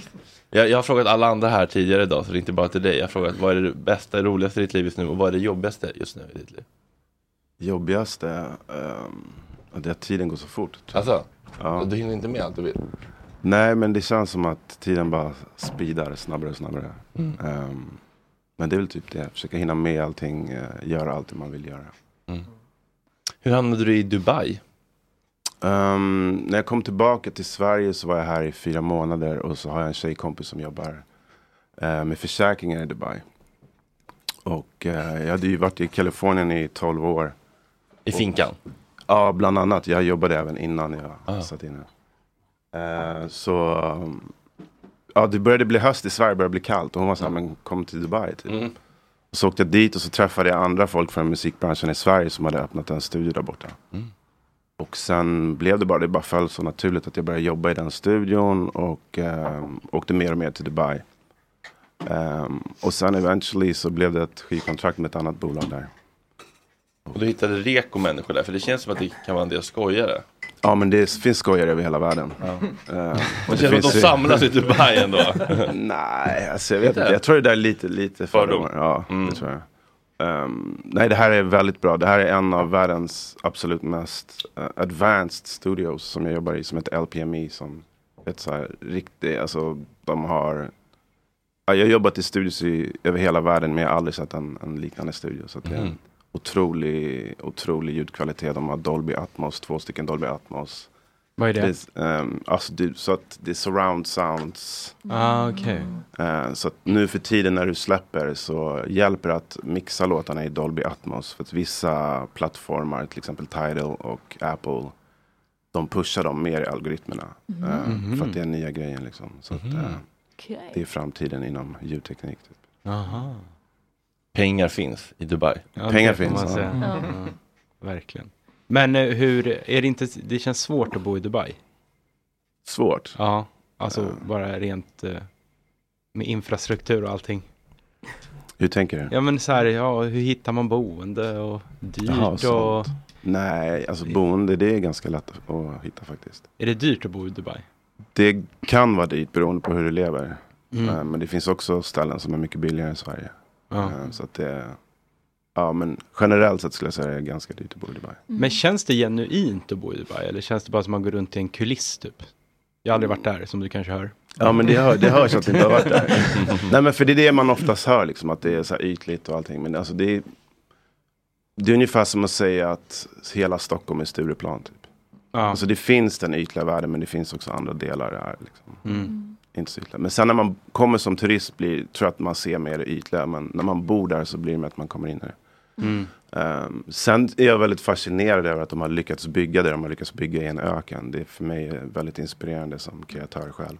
Mm. Och just att de låter arkitekter jobba fritt. Man ser byggnader som är helt sjuka och det, det är inte så mycket ehm, ja, här, det är inte så homogen arkitektur i Dubai. Utan det är, väldigt, det är väldigt intressant att se hur de vågar investera i nya tekniker som så här, flygande taxibilar. Och det jag tycker om mest med Dubai är säkerheten. Det är att jag kan, jag kan gå till stranden, jag kan lägga min plånbok, min klocka, allting, gå och bada. Jag kan till och med gå iväg till en restaurang, komma tillbaka tre timmar senare och allting finns kvar. Det är så.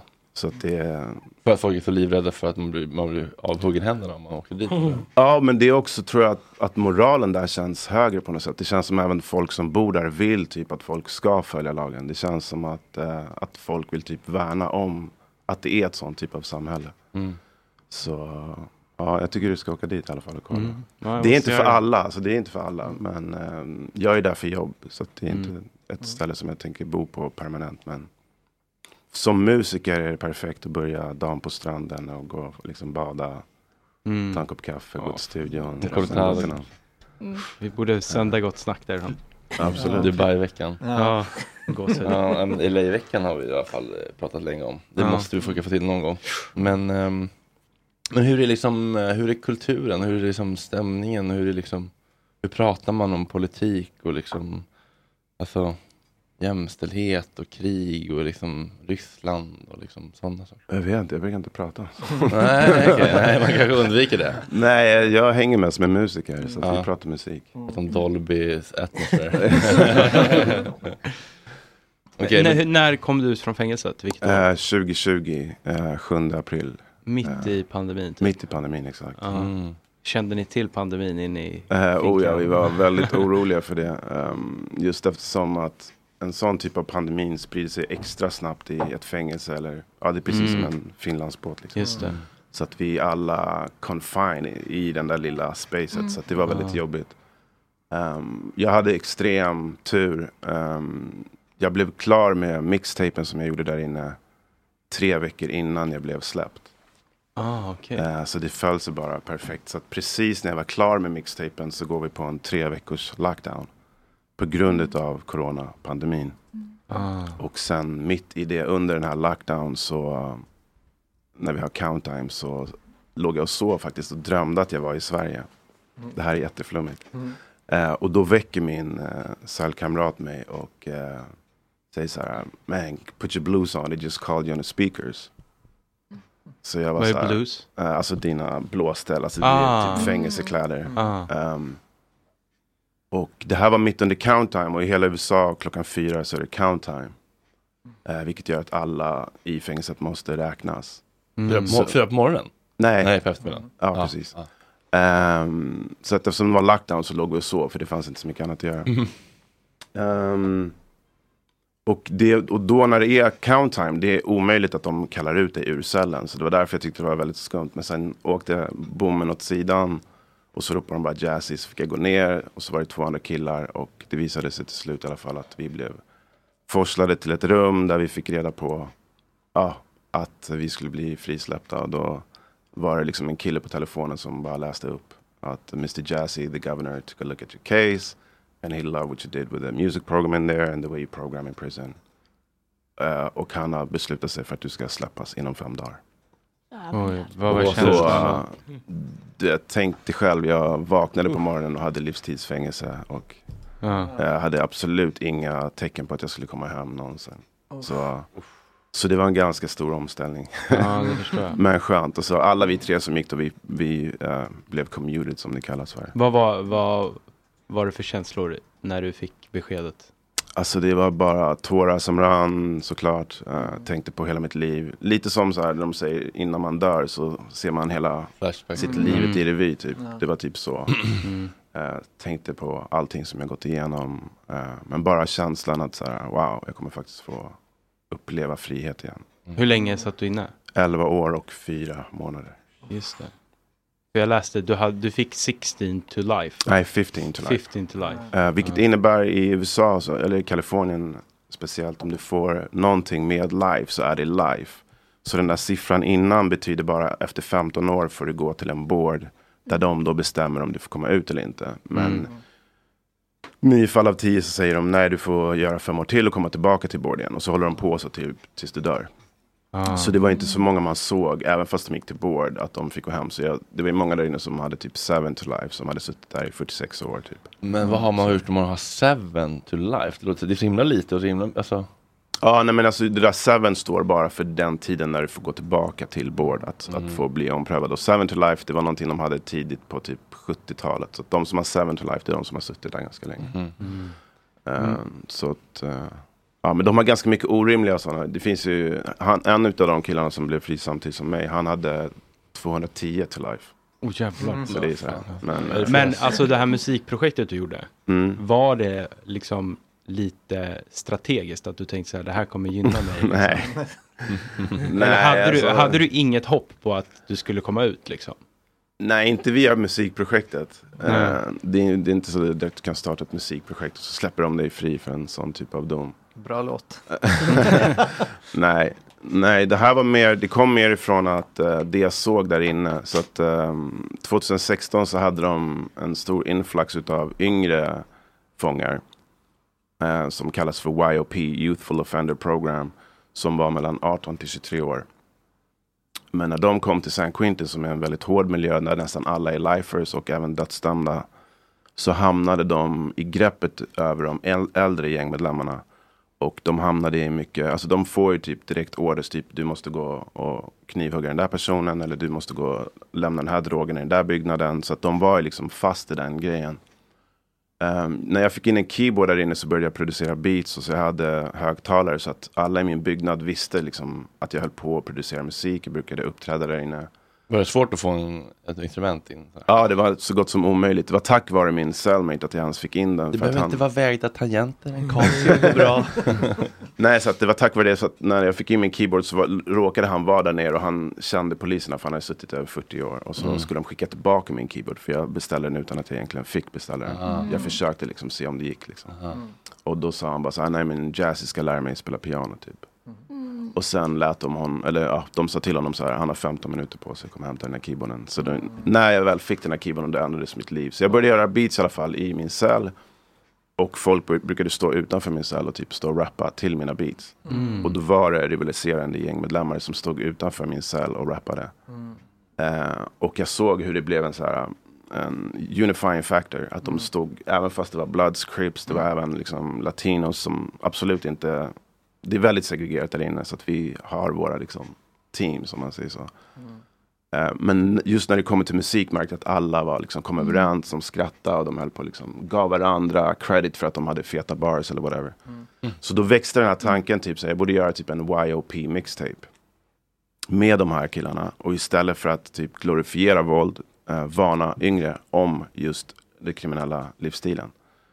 Eh, och typ få göra typ en mixtape och eh, typ spela den i typ juvenile halls eller i skolor innan de begår brott helst. Liksom. Eh, för det känns som att ehm, många av dem som glorifierar eh, våld i sina raps är oftast folk som inte har levt i livet eller har fått konsekvenserna. Eller har fått uppleva sorgen från de som har berörts av det här våldet. Ehm, men just i San Quentin, jag har jobbat väldigt mycket på mig själv men också gått i många self-help groups där inne. Där det kommer in offer, alltså brottsoffer, där vi får sitta med dem och liksom se eh, deras smärta också. Och för mig så var det så här, det var bara en naturlig grej, typ att ja, kan jag, hur kan jag bidra? Jag kan musik. Men jag kan också hjälpa till att sprida typ det andra narrativet. Vilket är anti-kriminalitet. Var det här ett bra sätt för dig att liksom undvika bråk i fängelset också? Typ, Att folk såg dig som den sköna killen liksom som spelade keyboard Alltså- typ, och gjorde beats? Ja men det gjorde de ändå. Nej men alltså jag... Jag tänker jag... det kan ju vara obehagligt att sitta på ett sånt ställe eller? Jo, alltså första åren, första, första 18 månader satt jag i LA County Jail. I'm Sandra, and I'm just the professional your small business was looking for. But you didn't hire me because you didn't use LinkedIn jobs. LinkedIn has professionals you can't find anywhere else, including those who aren't actively looking for a new job but might be open to the perfect role, like me. In a given month, over 70% of LinkedIn users don't visit other leading job sites. So if you're not looking on LinkedIn, you'll miss out on great candidates like Sandra. Start hiring professionals like a professional. Post your free job on linkedin.com/people slash people today. Hey Dave. Yeah, Randy. Since we founded Bombus, we've always said our socks, underwear, and t-shirts are super soft. Any new ideas? Maybe sublimely soft. Or disgustingly cozy. Wait, what? I got it. Bombus. Absurdly comfortable essentials for yourself and for those facing homelessness. Because one purchased equals one donated. Wow, did we just write an ad? Yes. Bombas. Big comfort for everyone. Go to bombas.com slash ACAST and use code ACAST for 20% off your first purchase. There's never been a faster or easier way to start your weight loss journey than with PlushCare.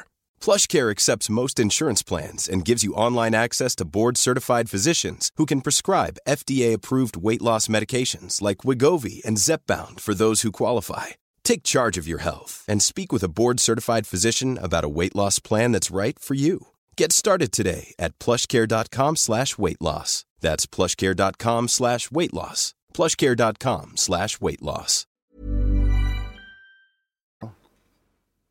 Ehm, det var ganska tufft, ganska hårt. Efter det så var jag på Solano State Prison som också var väldigt hårt. Eh, Vad innebär alltså att ganska tufft och ganska hårt liksom om du ska? Alltså det, det är väldigt hård miljö. Det är tuff miljö. Det är mycket mord, det är mycket upplopp. Det är, det är allt du kan och tänka måste dig. man liksom vara med på det då om det blir upplopp typ? Eller kan Ja, man sitta i sin cell? Och... Nej, om det är upplopp så måste du delta. Ehm, Och, och, men- och, och, och vad är målet med upploppet? Är det liksom att bara ställa till med djävulskap eller något? Nej, nej, utan det, det är också en grej som är lite så här i filmer så, du vet du har alla de här myterna med don't drop the soap och alla de här grejerna. Det Mm. där stämmer inte. Det stämmer inte heller att du bara kommer in i ett fängelse och folk hoppar på dig. Liksom. Det är inte riktigt så det funkar, utan det är väldigt så här strukturerat våld. Och det handlar mycket om eh, droghandeln där inne såklart, och sen, men även territorium. Alltså det kan vara upplopp över ett bord till exempel. För att Mm. till exempel att om det kommer in fler mexikaner så nu vill de helt plötsligt ha det här bordet också. För att Mm. alla har sina speciella bord. Så det är, inte, det är inte så som på film att du bara går in och du vet, någon trycker upp dig mot en vägg med en kniv. Det fungerar inte. Folk Drop är the ganska... soap. Drop the soap. Så att folk är ganska humble. Ah. så Till exempel om en stor kille går på gården och han råkar gå in i en, en liten kille. Och typ ja, men, att det blir en sån konfrontation. Då är båda väldigt humble. Det är inte så Mm. den stora killen liksom är en bully. Utan för att där inne så vet du inte vem som är vem. Och den som är mest lugn kan den, vara den som är farligast. Och den som verkar farligast är den som är minst farlig. Så det, det gäller, alltså för mig var det ett, ett väldigt psykologiskt spel att överleva där inne hela tiden och, och Men veta. Till, till, tillhörde du någon gruppering när du kom in? Nej. Så jag, kallar, jag var non-affiliated, vilket betyder att jag inte är affilierad med något gäng eller någonting. Men ganska tidigt så spreds, jag var ju med i LA Times på första sidan hela tiden när mitt mål pågick i, Mm. i rätten. Så alla i LA County Jail kallade mig för the Swedish rapper typ. Mhm. Så de visste vem jag var. Men sen när jag kom in i fängelset så, så alltså, det är som en liten by, alla vet allt om alla. Mm. Eh, så de flesta kände till mitt case där inne. Men ja, jag hade inte svårt för att skaffa vänner. Det var ganska enkelt där inne för mig att skaffa vänner. Och folk var väldigt intresserade utav ehm, Europa, men även Afrika där min pappa kommer ifrån. Ehm, och till och med de som var liksom skinheads och Aryan Brotherhoods brukade komma till min cell faktiskt och vara så här. Hey David, you ever been to Burka?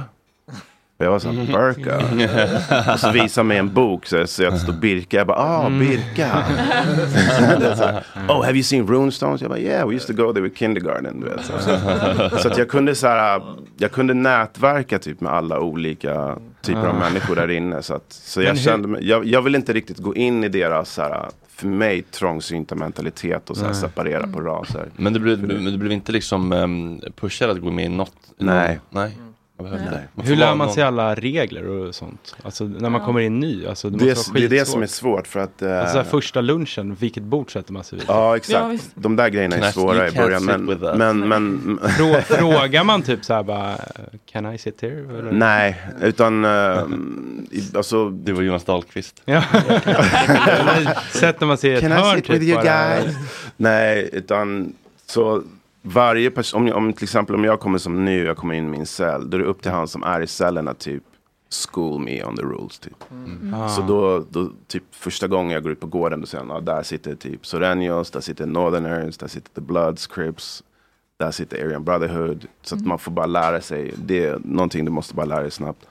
Ehm, och sen typ ord och sånt var det som var svårast för mig i början. Som tur var har jag lyssnat på rap hela mitt liv så jag kunde mycket slang. Mm. Men i fängelset har de en helt annan typ av slang, prison slang. Och den var svår i början att förstå för det är väldigt, så här, väldigt coded. Men det här med att du inte, du inte hade något gäng. Mm. Hur, finns det liksom sit, sittplatser för dem också? De som inte har något, någon grupp eller Ja, fast det blir mer att man, alltså det, ja, precis, det finns ju Det är inte direkt att det är så här, här sitter alla som inte är med i ett gäng. Utan det är mer att det är, här sitter alla svarta. Ja, okej. Till Mm. exempel. Och vid vissa bord så alltså, sitter typ, här sitter så här hardcore gang members eller här sitter de och de. och de. Men efter ett tag så lär ju även känna de här gang members väldigt bra. Så till slut så blir jag som en av dem. Och jag kan sitta ena dagen med the Bloods och andra dagen med the Crips. Mm. För att de vet också att jag är inte därifrån, jag är inte del i deras kultur.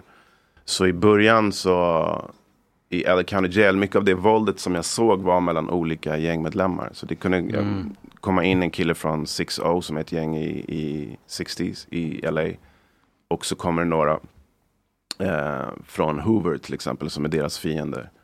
Och eh, det kom in en kille, han var helt ensam och en ganska liten kille. Och då är det tre stycken Hoovers i den här tanken som vi sitter. Och de bara på en gång hoppar på honom liksom. Och eh, för mig blev det en sån här wake up call att det finns liksom ingen så här fair fight att det är typ en mot en utan det är verkligen så här uh, on site som de kallar det. Vad gjorde du då? Men satt ni andra och käkade vidare då och kollade på typ? Eller? Det är det som är grejen. Instinktivt så, så känner man att man vill typ hoppa in. Ja. Men man kan heller inte vara naiv och tro att, att man kan göra det. Utan det är bara så här. Du måste hålla dig utanför alla konflikter om du ska överleva där inne. Annars Men man ropar inte på fröken eller? Absolut inte. Vakten. Absolut Men när inte. du sa att det blev upplopp och så, Ja. att man måste vara med, då måste man ju välja någon sida. Mm. Hur- Men då är det, när det är upplopp så är det oftast eh, ras eh, mot ras.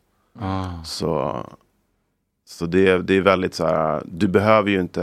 Är man ja, inte fiende för evigt sen, då, där inne liksom? Nej, det är det som är sjukt faktiskt. Eh, Och så har det gått Birka-snack dagen efter igen. ja, men det, alltså det, jag, jag var i en sån situation en gång. Då stod jag med min Sally på gården och då blev det upplopp mellan svarta och vita på, på gården. vad, vad, vad kan det ha varit för grundkonflikt då? Är det som skitsak bara? Eller? Ja, det kan vara allt ifrån territorium till droghandel till allt Mm. möjligt. Och Tänk att de eh, har droger ändå på fängelser, är inte det fel? Jo, det är konstigt. Men det är precis det de inte ska hålla på med väl? Ja. Det är himla knäppt. Hur många satt på det här fängelset? Förlåt. Ehm, det sista jag satt på San Quentin var 4500. Oj. Det är typ Jävlar. Sveriges sammanlagda. Vi kan Otroligt hur de trycker in på folk, den alltså. eh, låten sen. San Quentin, I hate every interview. Så jävla bra. Mm. Men eh, vad, vad sa du, du stod på gården? Och då blev det upplopp vid baseballplanen. Ehm, och jag står på den högra sidan, det är en väldigt stor fängelsegård. Och till höger om oss så står The Aryan Brotherhood och tränar. Och det är bara jag och min Sally som står exakt och tränar där vi står. Och sen typ kanske 100 meter bort så är upploppet där borta. Så jag ser till höger hur det kommer liksom 10 pers typ från Aryan Brotherhood springande mot oss. Och då tänker jag bara så här, det är bara vi två, det är bara okej det är över nu liksom. De kommer springande med knivar, de kommer med, alltså mot oss. Knivar ska vi inte heller. Hur får de in sånt? De gör dem själva där inne. Ah. Så där var en sån där moment där jag tänkte så här, okej this is it. Typ. Ja. För det är omöjligt liksom. De var liksom giants. Av någon anledning så springer han bara rakt förbi oss här. Åh fy fan. Jävlar. Bara så här. Och så kommer de bort till typ baseballplanen och då börjar det finns sex olika torn. Så polisen, det, över i hela fängelset står det så här no warning shots. För att de skjuter inga varningsskott polisen. Utan så fort de ser knivar så använder de live ammunition. Och skjuter Oj. liksom rakt ner mot. Så då börjar polisen skjuta ner på gården, live ammunition med rökbomber. Så då lägger sig alla ner. Och precis då när jag och min Sally sätter oss ner. Så kommer en, en utav de här Aryan Brotherhood med en sån här stor stenbumling och ska kasta den i huvudet på min eh, cellkamrat. Oh. Och då skriker jag till honom bara i sista Jag bara watch out Doug. Och så slänger han sig åt sidan. Och stenen missar. Så att han ringer mig typ en gång i, i månaden och bara you save my life. Liksom. Åh fy fan vilken gåshud. Så, men det sjuka med den grejen är att den killen som slängde den stora stenbumlingen kände min Sally. Alltså de var kompisar. Va? Så han var så här efteråt, han bara dude what the fuck. Typ. Han bara, um, you know, when it, when it pops it pops. Typ, så. When it pops, it pop. Boys will be boys. Ja. så det är mycket sånt. Och så. Ah, var din eh, eh, cellkamrat också svart eller? Ja, exakt. Ah. Men hur är det med, i och med att de skjuter live riktig ammunition, är det Mm. många som dör vid sådana upplopp då? Ja, så de skjuter dem typ vid sidan så här. För att så här, skrämmas. Men det, ja, det har hänt att, att fånga Men när det blir ett sånt där upplopp då, de springer med knivar och så, Mm. hur många dör liksom vid ett upplopp? Alltså det är helt olika. Oftast så blir det några som dör och några som blir skadade. Det är ganska många som blir skadade. Men när de kommer springande mot er och tio pers, Mm. st- sträcker man upp händerna liksom och försöker visa sig oskyldig? Nej, eller? no. nej, nej, nej, nej. Du måste liksom stå. Du måste vara redo. Alltså för där inne det är, alltså. om jag du skulle dö visar, på en kvart, alltså. Om du skulle visa svaghet där inne. Det är det som, det är en balans mellan att vara humble och stark samtidigt. För att den dagen du visar svaghet. Sårbar och så- superstark. Men hur lär man sig det? Alltså, för jag skulle nog bli mördad. Ja, det Alltså, blir så, överlevnadsinstinkt. Ja men det är exakt, alltså jag, det var ingenting liksom, det finns en saying så you don't know how strong you are until being strong is your only option. Mm. Jag hade ingen aning om att jag skulle kunna överleva 11 år och 4 månader på ett fängelse. Mm. Eh, hade du frågat mig det innan hade jag sagt hell no. Så det lönar sig liksom inte att vara snäll? Typ. Det lönar sig att vara snäll i rätt tillfällen, absolut. Ja. Men, eh, Inte en people pleaser. Nej. men, men du vill inte heller, vi- alltså, man kan ju fortfarande vara snäll och ha integritet och utan att vara liksom en pushover. Mm. Ehm, Men var du kriminell på något sätt liksom innan du hamnade i fängelse? Nej, alltså jag var musiker. jo men liksom var, alltså... Det drogades i studion. Jo, jo, men det, alltså, men jag menar liksom... Om jag gick mot röd gubbe. det hände, det hände Men ibland. liksom, var, var du alltså, dealer och sånt eller liksom? Nej. Nej. Du var... Dealer, vad är det för jävla påhopp? Nej, jag bara undrar vad du hade för bakgrund liksom. Alltså, det känns som du har väldigt mycket fördomar med Ja. Nej, nej. Jag är bara... Dubai och kriminell. Jag är bara supernyfiken liksom. Nej, alltså jag var med i en grupp som hette Navigators tidigare i Sverige. Eh, vi var en, en, en rap rb grupp Mm. och sen efter det var jag låtskrivare. Ja, Men är det den där eh, huvudbonaden som du tycker är kriminell? Nej, jag bara undrar för, med tanke på med tanke på att du ändå liksom blev dömd för mord. Ja. Alltså, Det var, det kom, jag blev dömd för ett slag och en spark. Det var det jag blev dömd för. Ah, okej. Vad var det som hände den kvällen? Ehm, Eller dagen? Eller den? Ja, det, jag var ute faktiskt med ett gäng från, ehm, från Sverige.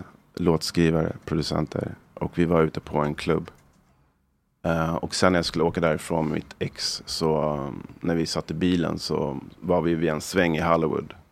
Och då var det en berusad man som började banka på min bil. För han tyckte att han hade the right of way vid övergångsstället. Eh, så jag stannade bilen och då började han sparka på bilen. Och sen försöker han öppna min flickväns dörr. Så jag hoppar ur bilen och han och jag börjar tjafsa och så ger jag honom en box och sen en spark. Och unfortunately så träffade den så att han föll bakåt och slog huvudet i marken. Eh, Det här är också en mörk gränd så jag har panik så jag hoppar tillbaka in i bilen och då kommer det ytterligare en man från vänster sida och springer. eh, Som senare visar sig vara en off-duty police officer men han var full vid det här tillfället. Så att han gör den här mantelrörelsen som att han ska dra upp en pistol. Fast han hittar inte den så börjar han typ slå på min ruta och börjar banka på min ruta. Så då kör jag därifrån. Dagen efter eh, så kommer LAPD och arresterar mig och min flickvän. Kommer till förhöret, eh, sitter där i en och en halv timme och då börjar de fråga, med, fråga typ så här, men märkte du någonting när du körde därifrån? Om du körde på någonting? Och sen sa han absolut ingenting. Och då sa han så här, det finns vittnen som säger att ditt bakhjul när du var i svängen körde över den första mannen som låg på höger sida av bilen på hans ben. Men det finns även vittnen som säger att det var bilen bakom dig. Så vi vet inte 100% säkert. Så det är vittne mot vittne. Men vi har kameror som kommer visa sanningen sen. Av någon anledning så försvann alla de här tre kamerorna. All film försvann. Så att vi vet fortfarande inte idag. Så juryn frikände mig på allting med bilen. Trots vad som står i tidningarna. Det står mycket att jag typ har kört över och hit och backat på. Det där, allt det där är bullshit. Eh, utan det jag blev dömd för var en, ett spark och en slag. Och eh, det min advokat säger var så här, typ att det är synd att du inte är en vit svensk, för då hade jag kunnat fixa självförsvar. För att är det så att någon slår på din eh, property eller slår på dig eller någon du tycker om i Kalifornien så har du rätt att använda dödligt våld. Om du är vit eller polis typ. Eh, det låter sjukt men det är verkligen så det funkar. Och man får den chocken att det är verkligen så här. Hela min rättegång var ju liksom domaren yttrade rasistiska kommentarer. Eh, och gjorde mycket sånt. Men jag vill inte säga det för att typ förminska det jag gjorde. Jag tar fortfarande ansvar för det jag gjorde. Att jag, att jag både slog och sparkade honom. Ja, och men det kan man göra och belysa Ja, den precis. strukturella rasismen. Så att eh, det, det är mycket värre än vad man tror där inne faktiskt. Vet man vad det var som, fi- alltså, som gjorde att han dog?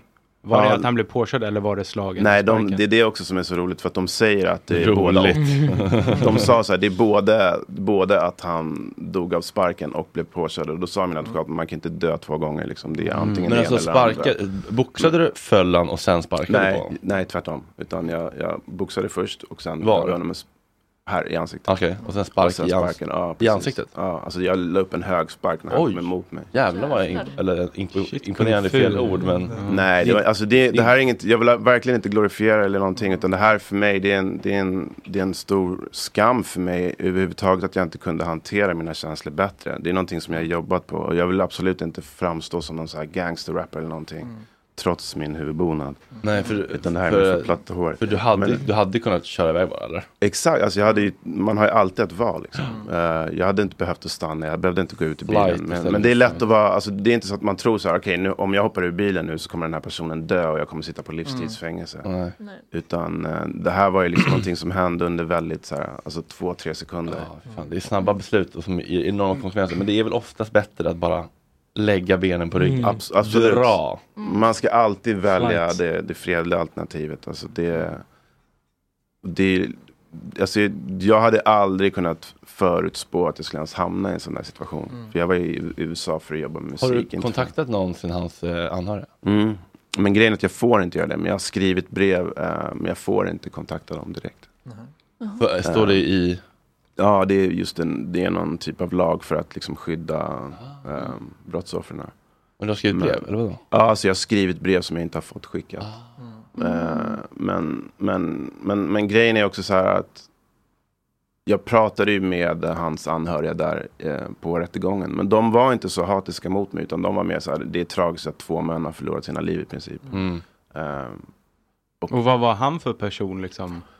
Alltså det jag har hört att han var känd i det där området. Att han brukade typ stå och banka på de här på bilarna som åkte förbi där. Men han gick också runt och typ slog, slog hemlösa med pinnar. Så att han var typ, han var, han var lite, jag vill inte prata skit om en död människa. Nej. Men han var typ känd i det området för att vara lite Var han gammal eller ung? Var han surgubbe liksom som gick runt och... Ja, alltså. Jag, jag, jag kände ju inte honom alls. Utan jag svängde ju in på en gata liksom. Mm. Men oavsett gammal eller ung så det hela som hände var ju otroligt tragiskt. Men för mig är det viktigaste är vad jag gör utav det här misstaget som jag gjorde. Och det för mig har varit att liksom motverka våld först och främst. Men också kunna påverka yngre. Så det är därför jag gjorde det här, den här skivan. Och eh, fick också den signad till Rock Nation som släppte den till slut. Mm. Och eh, ja, så nu ska jag faktiskt till, till Kumla och, och föreläsa den, eh, den 18 Mm. oktober. Ja, jag tänkte, alltså, Sverige behöver väl också Ja men absolut. att unga Ja, men- på väg in, eller som Mm. skulle kunna vara på väg in, får höra om, Mm. eller på något sätt blir det Ja. liksom någon som de ser upp till, som Mm. kan berätta någonting som gör att de kanske tänker till, även om det är väldigt små, unga människor som inte har så mycket frontallob att tänka med, men Mm. Någonting som kan få dem att Ja, Tror verkligen. du att det är... För nu, vi har ju problem, nej, nej, vi har ju problem med liksom kriminalitet och gängkriminalitet och så. Mm. Funk, du som har liksom suttit inne, funkar det med hårdare straff? Alltså, man, om man tittar på USA så funkar det ju inte. Vad menar du med funkar då? Ja men alltså kommer vi komma åt eh, brottsligheten och gängkriminaliteten genom att låsa in folk under längre Jag tror, att tid? man, jag tror mer på att, alltså för mig är det lite som att ta medicin när, efter du har blivit sjuk. Det är Mm. bättre att äta hälsosamt innan så du inte blir sjuk. Mm. Alltså börja med preventiva Mm. medel innan de dras in i de här olika gängen. Och, alltså jag, jag såg någonstans igår idag att det är typ många unga killar som inte, förut har det alltid varit att så här, gängen rekryterar yngre. Mm. Men jag såg någonstans att typ yngre går typ till gängen och frågar eh, Har ni någon mord som jag kan begå? Jag behöver pengar typ. Mm. Och bara den grejen, då är det någonting också som, då är det någon ekonomisk del i det hela också. Mm. Eh, sen vet jag också att det finns många som liksom vill ha ett rykte på gatan och hela den biten. Men det är där jag tror man måste bygga nya förebilder. Att om det är förebilderna eh, för yngre så måste man hitta bättre förebilder. Och, och, och också se till att det är väldigt mycket fokus på de som begår brott i, i vissa områden. Jag tycker också att man ska lägga mer fokus på de som gör bra grejer i de här områdena också. Mm. Och lyfta fram dem. För det, om man bara lyfter fram de kriminella i medierna hela tiden, då blir det som en, någonstans blir de på något sätt eh, hjältarna. Speciellt i en sån låg ålder när hjär- hjärnan är inte fullt Mm. utvecklad Mm. förrän man är 25. Men om man, om man typ lyfter fram mer de som typ gör bra grejer, duktiga på fotboll eller whatever. Att man Mm. liksom ger mer plats till de som försöker starta egna företag och liksom Mm. Jag tror att det där måste, det- måste ske en, ett- en, en, en, en shift innan de kommer in i de här grejerna. Mm. Man vill för, För jag jag tänker- det kan ju minska brottsligheten om du låser in alla som gör brott. Det är klart det kan minska brottsligheten. Men målet måste ju vara att färre gör brott. Mm. Färre unga dras Jo. in i det. Men för jag tänker, man du pratar ju ofta om att folk liksom radikaliseras i fängelsen. Mm. Har du sett det? För jag tänker, du radikaliserades väl inte liksom? Nej, absolut inte. Jag Skulle också du säga liksom, att det är en sanning? Jag tror det beror på hur gammal man är när man åker in också och vad man liksom ehm, hur påverkbar man är. Jag är inte särskilt påverkbar. Mm. Eh, jag hade en väldigt stark integritet när jag åkte in också. Hur gammal var du då? Ja men då kan jag avslöja min ålder. Men ehm, ja, nej men jag var 34 när jag åkte in. Ja. Ah, okay. Ehm, så um, nej alltså jag vet inte. Jag tror absolut så tror jag att man kan radikaliseras i, i ett fängelse. Men, men det viktigaste tror jag när folk väl är i fängelset så är det så här. Du måste, det måste finnas program som gör att folk kan rehabiliteras. Så att fokuset inte är på straff utan på rehabilitering. För att om vi säger så här. Vem skulle du vilja ha som granne? Nu kanske du vill ha någon som har suttit som granne. Men om vi säger om du måste välja mellan två stycken. Mm. Vill du ha en som har blivit rehabiliterad in i fängelset eller vill du ha någon som har bara liksom slängt in i en cell och inte fått jobba på sig själv? Mm. De kommer ju med största sannolikhet återgå i brott. Men om det finns eh, både bra rehabilitering men också tror jag att det är viktigt att folk från utsidan får släppas in i fängelset och kommunicera med folk där inne. Så att man, istället, för att, istället för att bara fokusera på det dåliga som har hänt och vad som har hänt. Utan man måste tänka på framtiden. Okej, det där hände och den här människan gjorde så. Men vad händer när den här personen kommer ut? Mm. Och den grejen, det missade de väldigt mycket i USA. Men det har de börjat fatta nu efteråt. Mm. Att det, typ, det måste finnas en kommunikation mellan de som sitter och samhället. För att de här kommer släppas ut i samhället.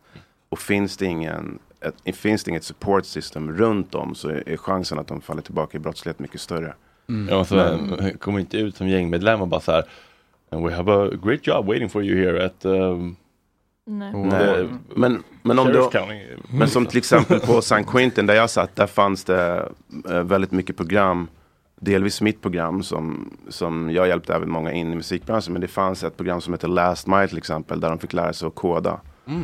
Ehm, och de som gick det programmet nu har fått chefspositioner på Google och på LinkedIn och allt möjligt. För de, Jävlar. de hade talanger som de inte ens visste om. De Mm. var Ofta liksom, väldigt begåvade ADHD-hjärnor som Ja. har hamnat lite snett. Ja. Hörrni, Det här Ja, men verkligen. Så, otroligt intressant snack. Eh, Vill du snacka lite till eller? Mm. Har vi Sure. lite, tid till? Ja, då kör vi lite eftersnack. För er som inte hänger med till eftersnacket som inte är 100 kronors Patreons tackar vi för idag och imorgon kommer Susanne Axel och Micke Ljungberg kommer tillbaka. Nej, det gör han Nej, det gör Nej. inte. På det är Young och Tora Rydell istället. Okej, häng med till eftersnacket. Om ni inte är det, blir 100 kronors Patreons. Tack chatten!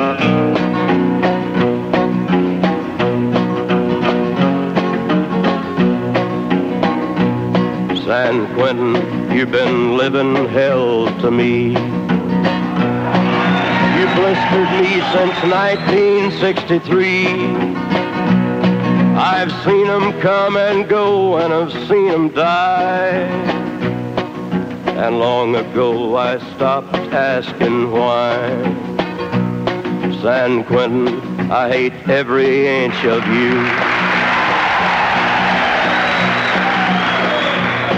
You cut me and you scarred me through and through. And I'll walk out a wiser, weaker man. Mr. Congressman, you can't understand.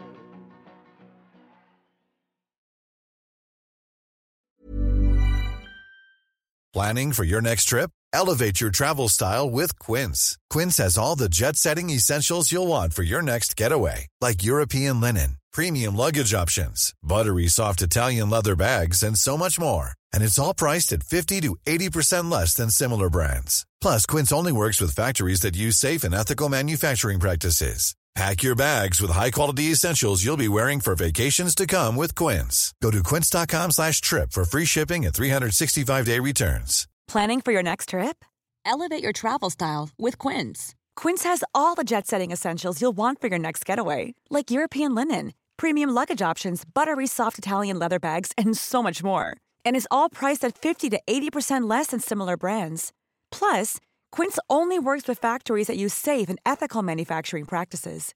Pack your bags with high-quality essentials you'll be wearing for vacations to come with Quince. Go to quince.com/pack for free shipping and 365-day returns.